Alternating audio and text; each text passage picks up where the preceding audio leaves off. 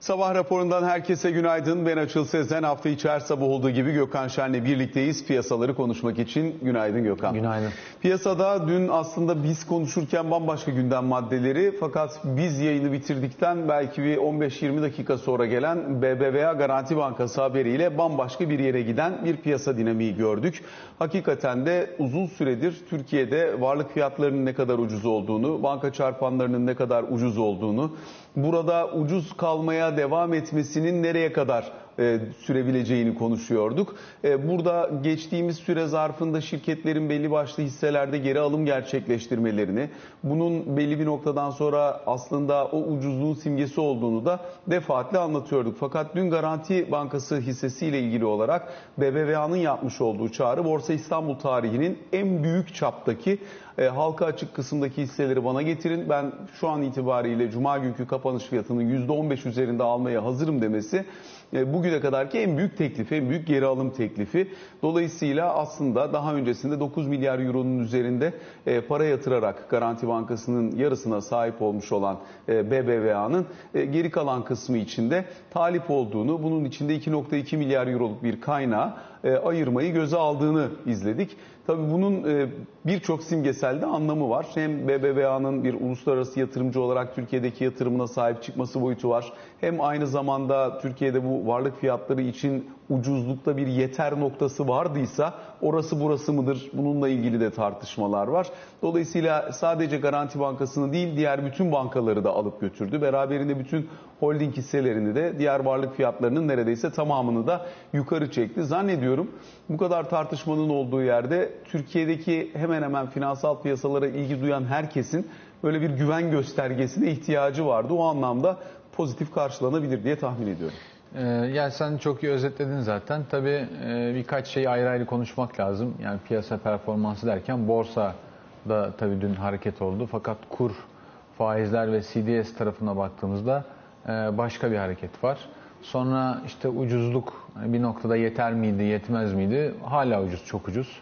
E, ve belli ki ucuz kalmaya devam edecek. Yine o da ayrı bir konu. Bu tabii çok büyük bir haber. Yani özellikle şu geldiği döneme bakarsan herkesin yüksek enflasyon, kurda rekor düşük e, seviyeleri tartıştığı ve Türkiye'nin makro performansına ilişkin kaçların kalktığı e, bir zamanda geliyor olması bakımından da bence değerli. Zaten ben BBVA yani BBVA analistlerini okudum mesela. İşte Citibank'ten birkaç tane kuruma kadar. Onların önemli bölümü bu alımı tam olarak anlayabilmiş değiller ve dolayısıyla dün mesela hisse senetleri BBVA'da garanti nasıl ki rally yapıp tavan olduysa e, BBVA %6-7 civarında düşüyordu e, en son baktığımda. O bakımdan yani hangi bankanın perspektifinden baktığına göre değişiyor. Bunlar piyasada olanlar yani benim gözlemlerim.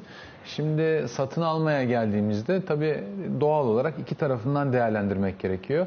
İşin bir tarafında BBVA var, diğer tarafında Garanti var. Garantiyi konuşuruz. Genellikle tabii Türk insanı, yani Türk Bankası olduğu için birazcık daha hikayesini biliyor ama zannediyorum yani bu kararı alan BBVA yönetiminin ve işte mantalitesinin de e, tam olarak içeriğini anlamak gerekiyor.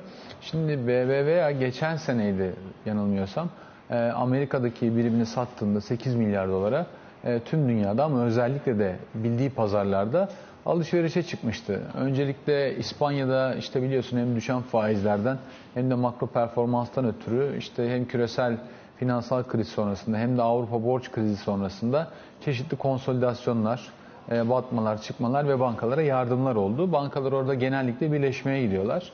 E, bir hikayesi bu bir kere BBVA'nın. İkinci hikayesi de tabii e, Meksika pazarındaki büyümesi ve buraya çok ciddi para yatırdı. Meksika'nın çok önemli bankalarından bir tanesi oradaki e, şeyi de birimi de e, epeyce iyi getiriyor öz sermaye karlılığı anlamında. E, fakat zaten bir süredir analistlerle iletişim kurduğu gibi BBVA'nın bu ellerindeki fazladan 5 milyar euroyu bir şey yapmaları gerekiyordu. Burada yapılacak şey ne olabilir? Zaten doymuş ya da çok ciddi girilmiş Meksika pazarında pay arttırmak olabilir. İşte kendi BBVA hisselerini geri almak olabilir ki bunun da yani nispeten yine bir sınır var ki bu yolda da e, aktifler. Geriye de bir tane aset kalıyor zaten. Tek bir varlık kalıyor. O da Garanti Bankası. Şimdi BBVA'nın pozisyonu bu.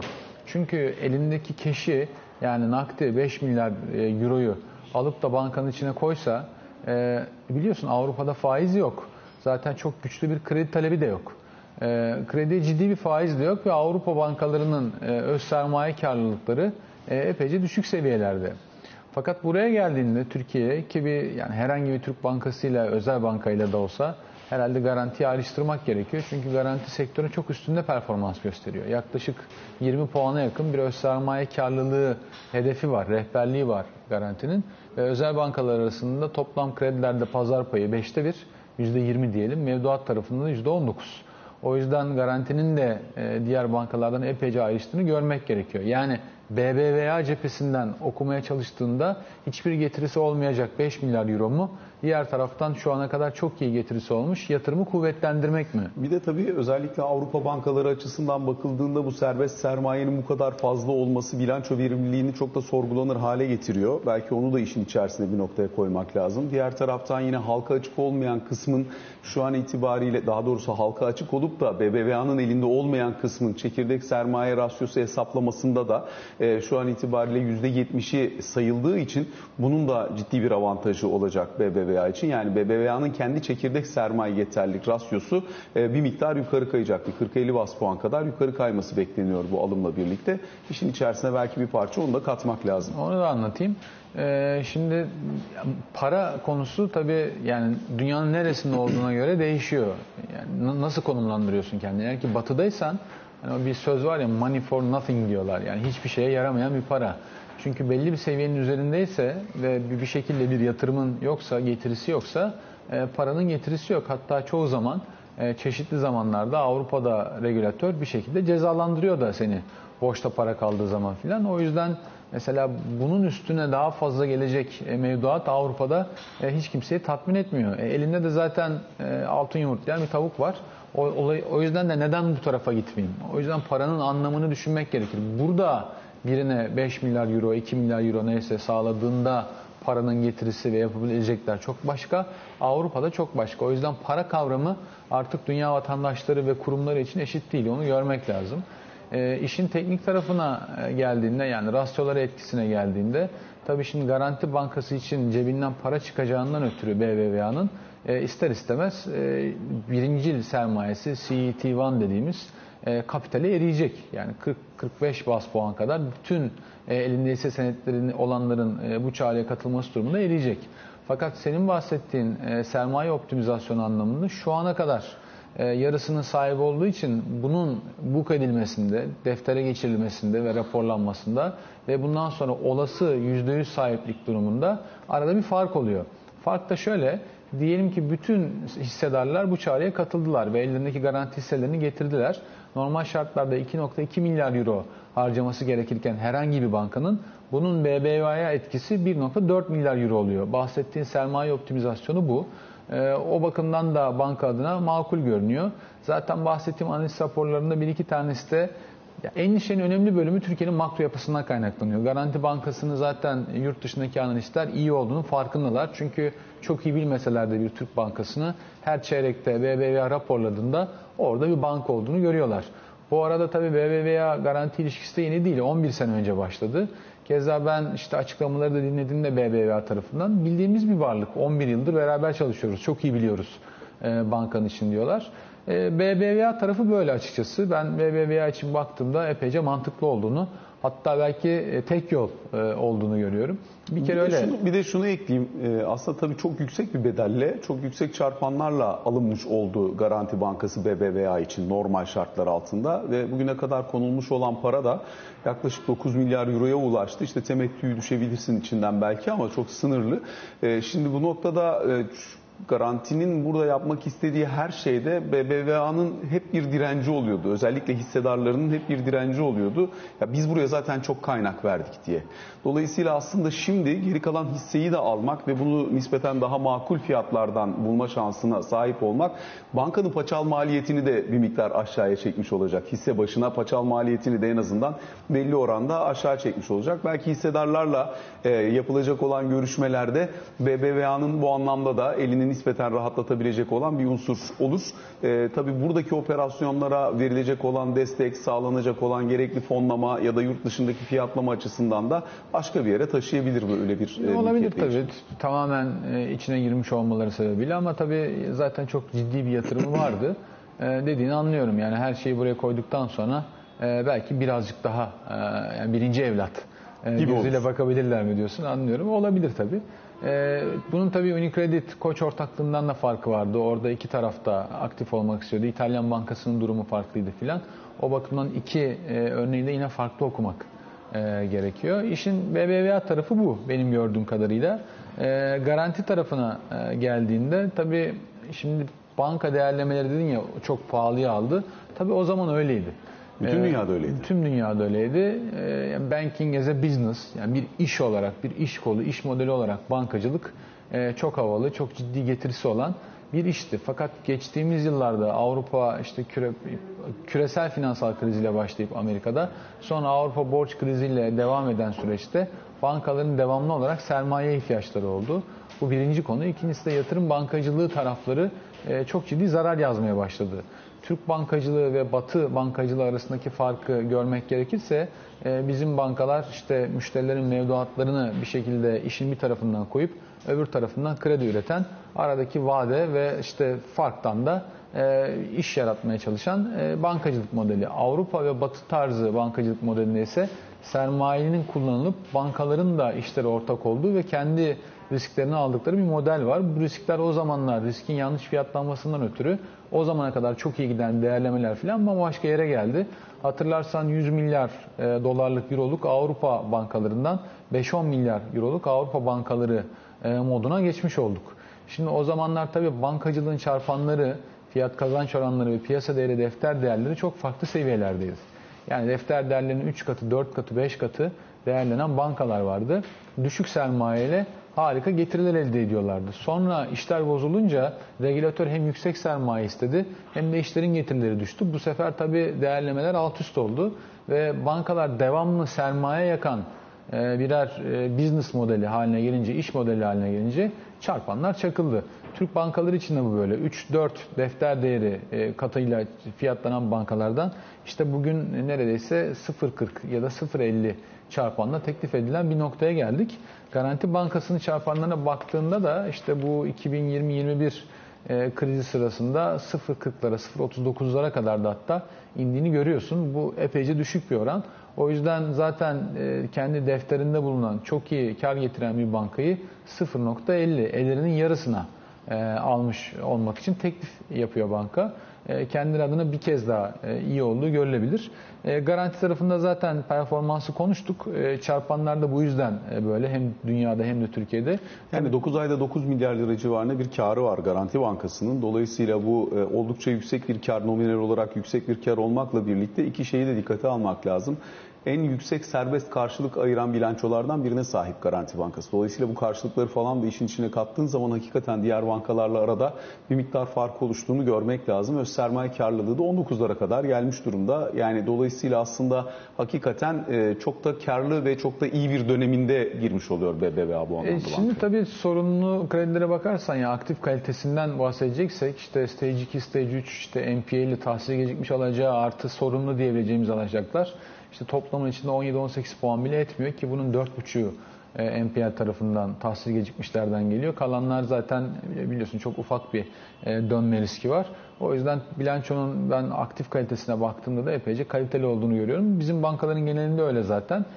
Bunun iki sebebi var. Bir tanesi yani kredi tarafını çok hızlı büyüttüler son yıllarda. İkincisi garanti özeline bakmak gerekirse bu taraf epeyce iyi yönetildi. Zaten bilançoların önemli bölümünde son 2-3 çeyrektir birazcık daha fee collection denilen işte ücretleri toplama, e, kredileri geri çağırma, geri çağırma derken yanlış ifade etmeyeyim yani kredileri toplayabilme, ana paralı ya da taksitleri Tahsil alabilme, edebilme. tahsilat tarafında çok önemli bir performans var. E, garanti zaten o bakımdan çok temiz görünüyor. Bence bu e, buradaki yönetimin başarısı olarak da düşünülebilir. Sonuçta BBVA'nın başında bir Türk var. E, burada Recep Bey, orada Onur Bey. E, baktılar performans çok iyi, çok iyi bir yatırım olarak gördüler. E, buradaki takımı tebrik etmek gerekiyor. İyi bir şey. e, Türkiye bankacılık sistemine bu dönemde bu güvenin gösterilmesi bunu bence azımsamamak lazım. Çünkü Türkiye'nin ekonomik performansına baktığında yani geriye dönük diyelim ki 2000'li yıllardan sonra enflasyon düştükten, tek haneye düştükten sonra şu an bence en kötü zaman olarak düşünülebilir makroekonomik performans. İşte gerek enflasyon, gerek büyümenin çok volatil olması, gerek kurun en düşük seviyede olması, faizlerin yüksekliği, riskin yüksekliği nereden bakarsan bak ve işte bir süre sonra diyelim ki 12-18 ay içerisinde bir yerde erken olmayacak ama zamanında olsa bile epeyce az kalmış bir seçim var. Demek ki bunun ötesine bakıyorlar. O bakımdan dediğim gibi buradaki e, yönetim hakikaten tebrik etmek gerekiyor. Bu yatırımı çekebildikleri için tabii nasıl sonuçlanır bilmiyoruz. Şimdi BBVA tarafından, Garanti tarafından konuştuk. Esas yatırımcı bacağından Yatırımcı bakınca ne kadar bakalım. getirip hissesini buradan teslim eder bir ona bakmak lazım. Bakmak açıkçası. lazım. Şimdi bu tip şeyler tabii enteresandır. E, çünkü işte regülatörler e, Avrupa'da ve Türkiye'de onay verdikten sonra diyelim ki 2-3-4 hafta içerisinde bu çağrı başlayacak. İşte Mart sonuna kadar devam edecek. Şimdi belirlenen fiyat aslında hem tavan Olay hem taban. çıktıktan sonra 20 gün dedi dün. Biz Garanti Bankası Genel Müdürü Recep Baştuğ'la yaptığımız e, sohbet sırasında takvimi sordum. E, işte regülatörlerden izin çıkacak. Çıktıktan sonraki 6 gün içinde başlayacak, 20 gün içinde de tamamlanacak dedi. Dolayısıyla e, bu fiyat şimdi hem tavan hem taban e, anlamına geliyor. Mart sonuna kadar mı açık çağrı? E, şeyde öyle, rakam olarak öyle. Yani e, verilen Pencere var. rehberlikte evet. E, bunun şimdi yatırımcı tarafından değerlendirirsek şimdi tabii paranın bir zaman maliyeti var. E, şimdi biz Kasım ayındayız. Mart ayına kadar bu faizlerle baktığımda dünkü kapanış yani 11.63'ler civarı herhalde e, şeye tekabül ediyor. Çok kabaca söylüyorum. E, o günkü fiyatı tekabül ediyor. O yüzden hem tavan hem taban.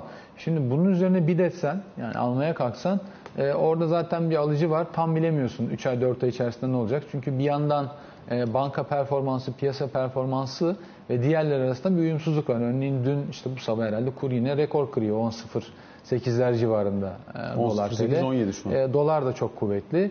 E, faizlere baktığımda bunu şey açısından söylüyorum. Bir bankacılık açısından bir de genel piyasa performansı bakımından dünkü hareket piyasanın Türkiye piyasadan ilişkin algı açısından tam bir gösterge değil.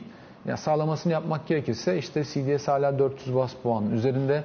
Bono tarafına ciddi bir giriş yok. 19.5'larda 10 yıllık bizim TL faizimiz var. Dolar cinsi bonolarda önemli bir gevşeme yok. Ve Türk lirası da ne yazık ki ters yönde rekor kırıyor. O bakımdan borsa performansıyla kalan varlıkların sağlamasını yaptığında e, içeriye ciddi bir e, akım olduğunu göremiyorsun. Ya da Zaten kabaca iki aydan bu yana hep bununla ilgili tartışıyoruz. Programlarda da konuşuyoruz. Biz burada da konuşuyoruz. Konuklarımızdan da buna dair geri dönüş alıyoruz. %10 büyüyen bir ekonomi ve buna devam etmek için uygulanmış, tasarlanmış bir para politikası bizi bir ayrıma götürebilir diye borsa daha pozitiflerin fiyatlandığı, büyümenin fiyatlandığı, bu para politikasından sağlanabilecek avantajların fiyatlandığı, kur ve faiz tarafı ise riskin biraz daha fazla ön plana çıktığı başka bir fiyatlamaya gidebilir diye bunun gerçekleştiğini görüyoruz. Yani borsa sadece hani o pozitif momentumunu bu haberin etkisiyle biraz e, öne çekmiş, biraz erken koşmuş olabilir. E tabii şimdi çok büyük bir kurumsal yatırımcının e, piyasa fiyatının da her ne kadar çok ucuz da olsa piyasa fiyatının çok üstünde bir teklifle gelmesi ciddi bir moral unsuru. Çünkü sonuçta çağrı bir tek garantiye yapıldı. İşte diğer bankalara yapılmadı ama diğerlerinde de e, ciddi bir e, açık kapama e, rallisi var. Hatta kamular tarafında bile ve ben benzer bir rallinin olduğunu gördüm. Çünkü bazı değerlemeler yukarı gittiğinde e, bu sefer kopamıyor. aradaki fark iyice açılıyor. E onlar gidince bağlı bulundukları holding hisseleri gidiyor. E holding çarpanı zenginleşince holdingin diğer tarafları işte ne bileyim Arçelik'e osu filan onlar tırmanıyor ya da işte Sabancı tarafında ise diğerleri tırmanıyor. O bakımdan böyle bir yukarı çekme e, rallisi var. Tabii borsanın niye e, değerlendiğini bu hareket, dünkü hareket hariç konuştuğumuzda da e, seninle burada mevduat faizlerinin düşmesinden ötürü yatırımcıların kısa vadede e, mecburen e, alternatif getiri aradıklarını işte bir hisse senedi alayım satayım ekstra 3 puan 4 puan yapayım e, varlıklar hazır değerleniyor bir buna gittiğini bir de tabii enflasyonist ortamda olduğumuzdan ötürü fiyatların güncellenmesi gerekiyor. Dün nasıl ki şekere %25 zam geldiyse işte geçen hafta ekmeğe İstanbul'da %25 zam geldiyse bir şekilde bu şirket değerlerinde bir zam gelmesi gerekiyor. Bu da alımlarla e, olabiliyor. Bunu böyle okumak lazım. Ama dediğim gibi risk iştahı ya da bir gösterge olması bakımından e, ben bunu çok e, doğru kerteriz noktası olduğunu düşünmüyorum. Diğer taraflar e, bence birazcık daha iyi gösteriyor. Yani kur tarafı, ne bileyim faiz tarafı, CDS tarafı. E, o bakımdan bu ama e, bu haber epeyce olumlu. Herhalde bu haftayı götürür.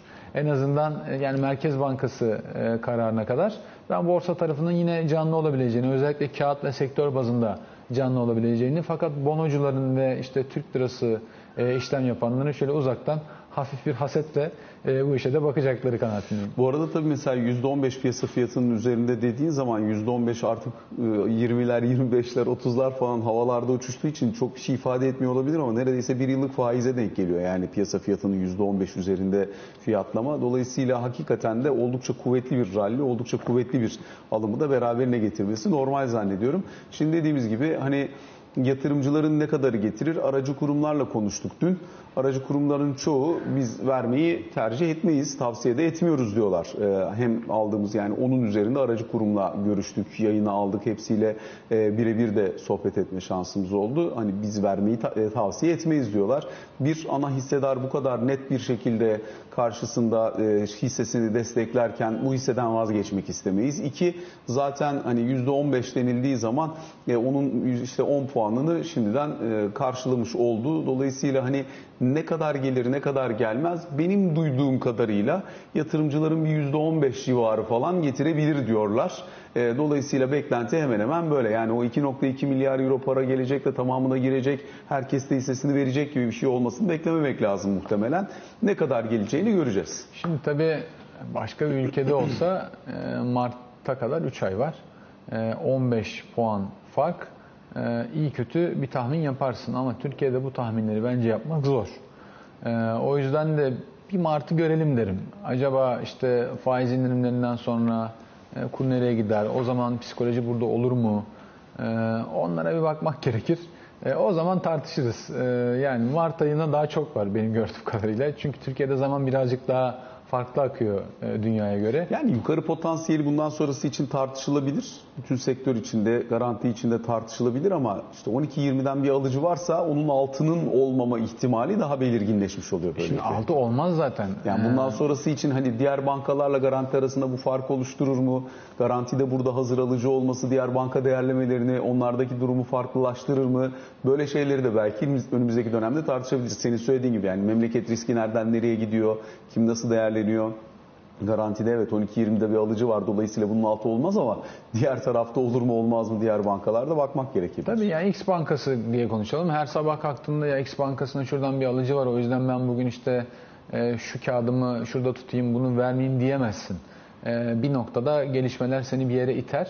E, zaten dediğim gibi biraz zaman değeriyle yani işte 12 küsür edeceği gün e, Mart'ın son günü olacak. Oraya gelene kadar bu fiyat her gün bugün daha düşük, yarın daha yüksek şeklinde zaman değerine göre değişecek. E, onu öyle okumak lazım. Dediğim gibi Mart'a çok var. Ee, bir diğer tarafları da görmek gerekir. Haber çok olumlu, piyasa için çok olumlu, yatırımcı için çok olumlu. Türkiye olan güveni gösteriyor. Tabii ki işte e, ucuzdan X bir şirketin, Türk şirketinin e, dışarı gitmesini hiç kimse istemez ama zaten kendi sahibi çağrıda bulunuyor. Ben zaten çağrıya katılımın belli limitler dahilinde olabileceği ben de e, kanaatindeyim. Çünkü önemli bölümü de zaten kurumsal yatırımcılarda filan. Bunun tabii belki özellikle borsacılık yapanlar e, şeyiyle de uğraşırlar. Yani garanti sonuçta e, Türkiye'nin en ciddi hacminin yapıldığı e, özel bankaydı borsa tarafında hisse senedi e, turnover'ı günlük de- değişim bakımından. Eğer ki halka açıklığı azalacaksa mesela acaba nasıl bir gösterge olur, ne kadar gider o tarafları da enteresan olabilir. Yani yıllar yılı borsadaki işlem hacminin dörtte biriyle beşte biri arası tek başına garanti hissesi üzerinden geçti. Yani bu da e, az buz bir süre değil böyle bir 8-10 yıl falan devam etti. Ancak son dönemlerde bankalar biraz daha geride geri planda kaldı. Bankaların ağırlığı bir miktar endeks içerisinde azaldı. Sanayi şirketleri yükseldi. Hacim daha dengeli dağılmaya başladı. Yoksa hakikaten borsa için kutup yıldızıdır yani. 2-3 tane hisse desem bir numarasına garanti Tabii. yazarsın yani. Türkiye riski almak isteyenlerin yabancı tabiriyle proxy'sidir yani göstergesidir e, Garanti Bankası. Dediğim gibi bir açıklığın durumuna bakmak gerekir. Son söz e, bundan sonra tabii bankalardan e, işler de normalleştiğine göre temettü e, sınırlarıyla ilgili büyük ihtimalle çağrı gelecektir. Yani bize birazcık daha alan açın, işte bakın bu kadar güveniyoruz, yatırım yapıyoruz. Hiç olmazsa zaten belli limitler Türkiye'de kalkmıştı. Sonra dünyanın da başka ülkelerini gevşetilmişti ama nispeten birazcık daha gevşetilmesini bence isterler diye düşünüyorum sonra. Bu arada yüksek karlar var bankalarda da. Yani hem nominal olarak yüksek kar var hem öz sermaye karlılıkları bir miktar yukarı kaydı. Dolayısıyla hani sermayedar da uzunca bir süredir zaten çok sınırlı ve limitli temettü alabildiği için haklı bir çağrı olabilir elbette. Sermaye yeterlikleri de çok kuvvetli. İşte herhalde 16 civarı e, garantide epeyce kuvvetli görünüyor. E, yani epeyce düşük risk, e, iyi getiri. E, yıllardır da e, zaten e, hani biz sabrettik. Şimdi birazcık da biz bu karı hiç olmazsa kullanalım diyeceklerdi diye tahmin ediyorum bundan sonra. Peki şimdi kısa bir araya gidelim. Aranın ardından sohbetimize kaldığımız yerden devam edelim.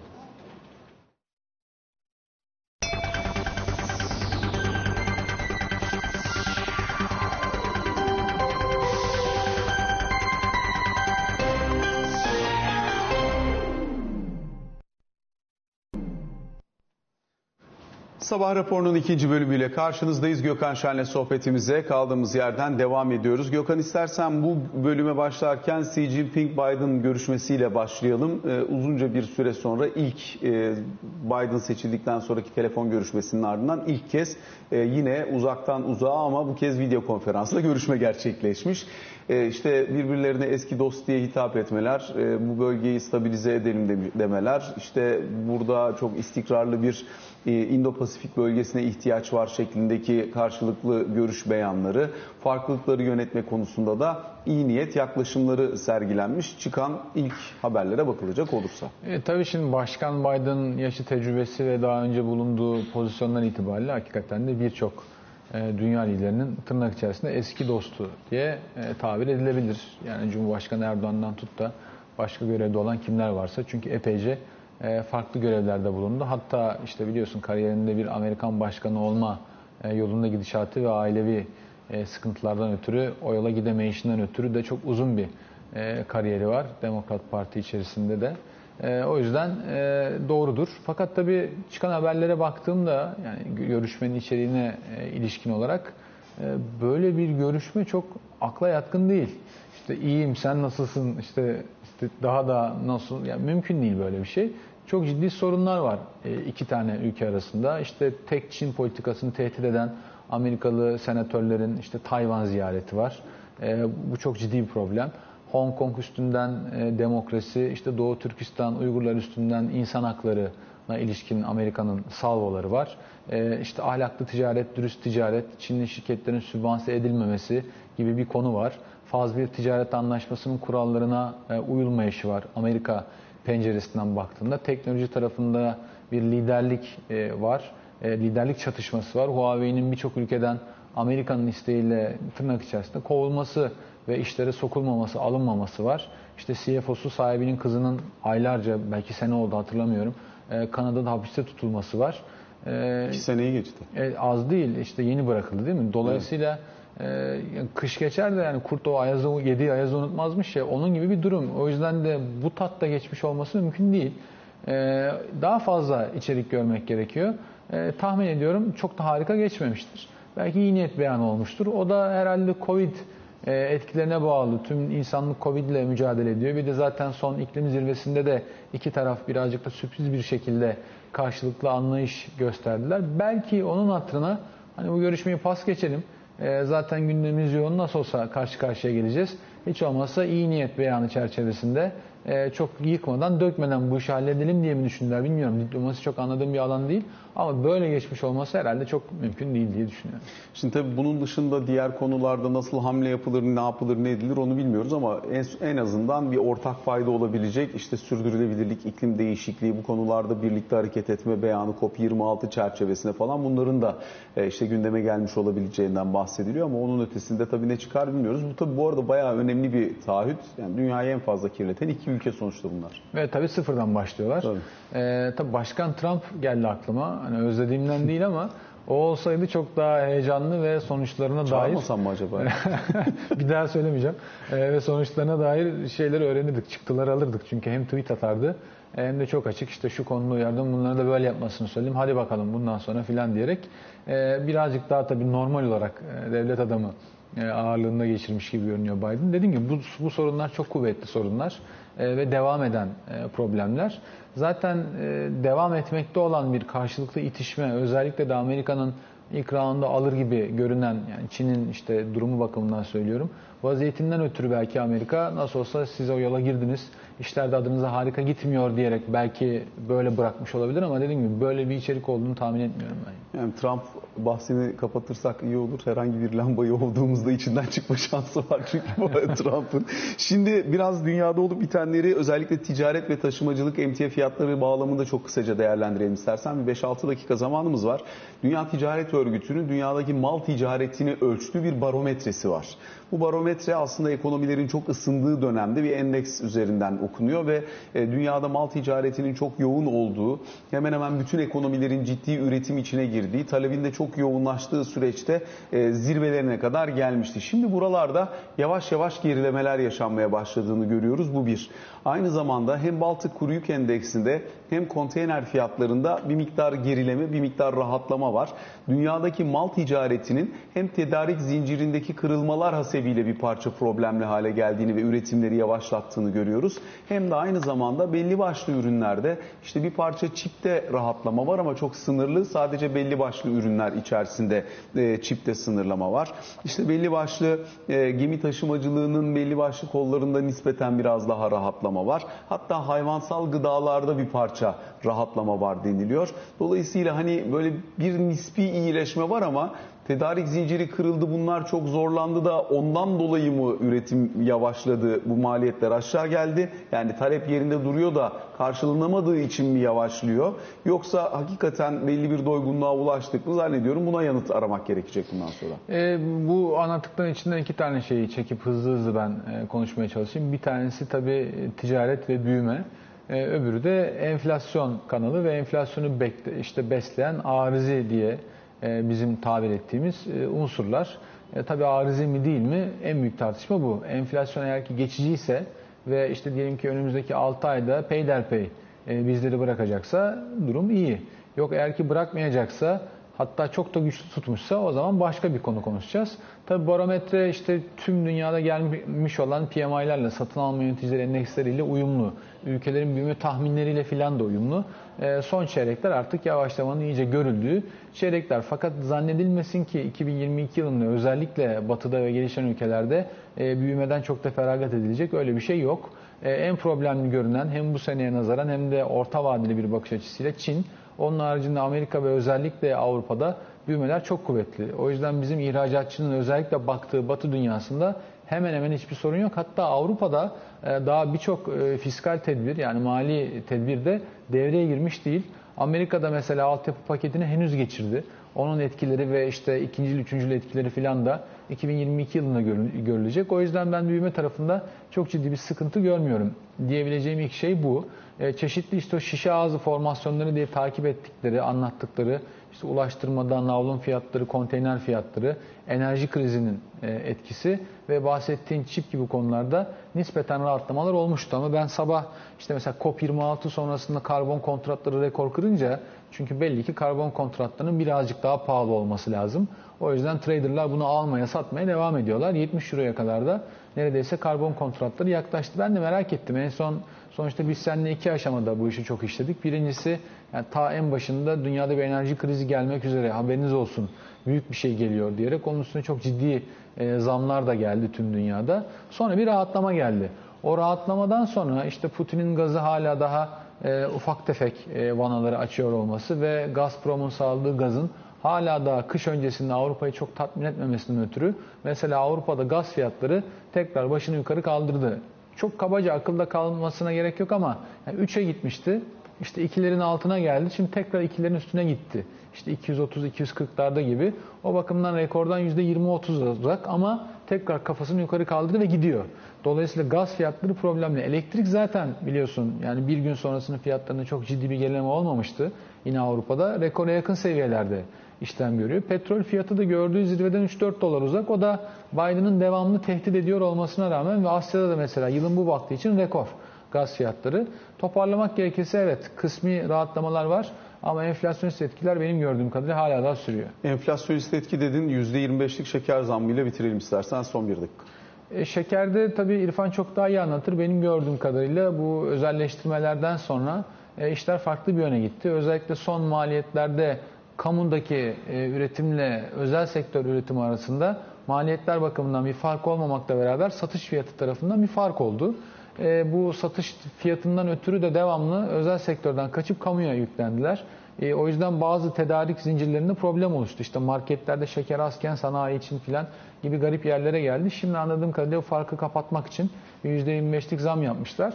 E, çok normal, çok konuştuk yani bu kurlarla ve Türkiye'deki bu enflasyonist ortamla ne yazık ki daha fazla zam haberi duyacağız Türkiye'de. Buna hazır olmak lazım. Gökhan teşekkür ediyoruz. Sabah raporunu böylelikle noktalamış oluyoruz. Kısa bir aramız var. Sonrasında Pelin Yantılı Yatırım Bülteni'yle karşınızda olacak. Hoşçakalın.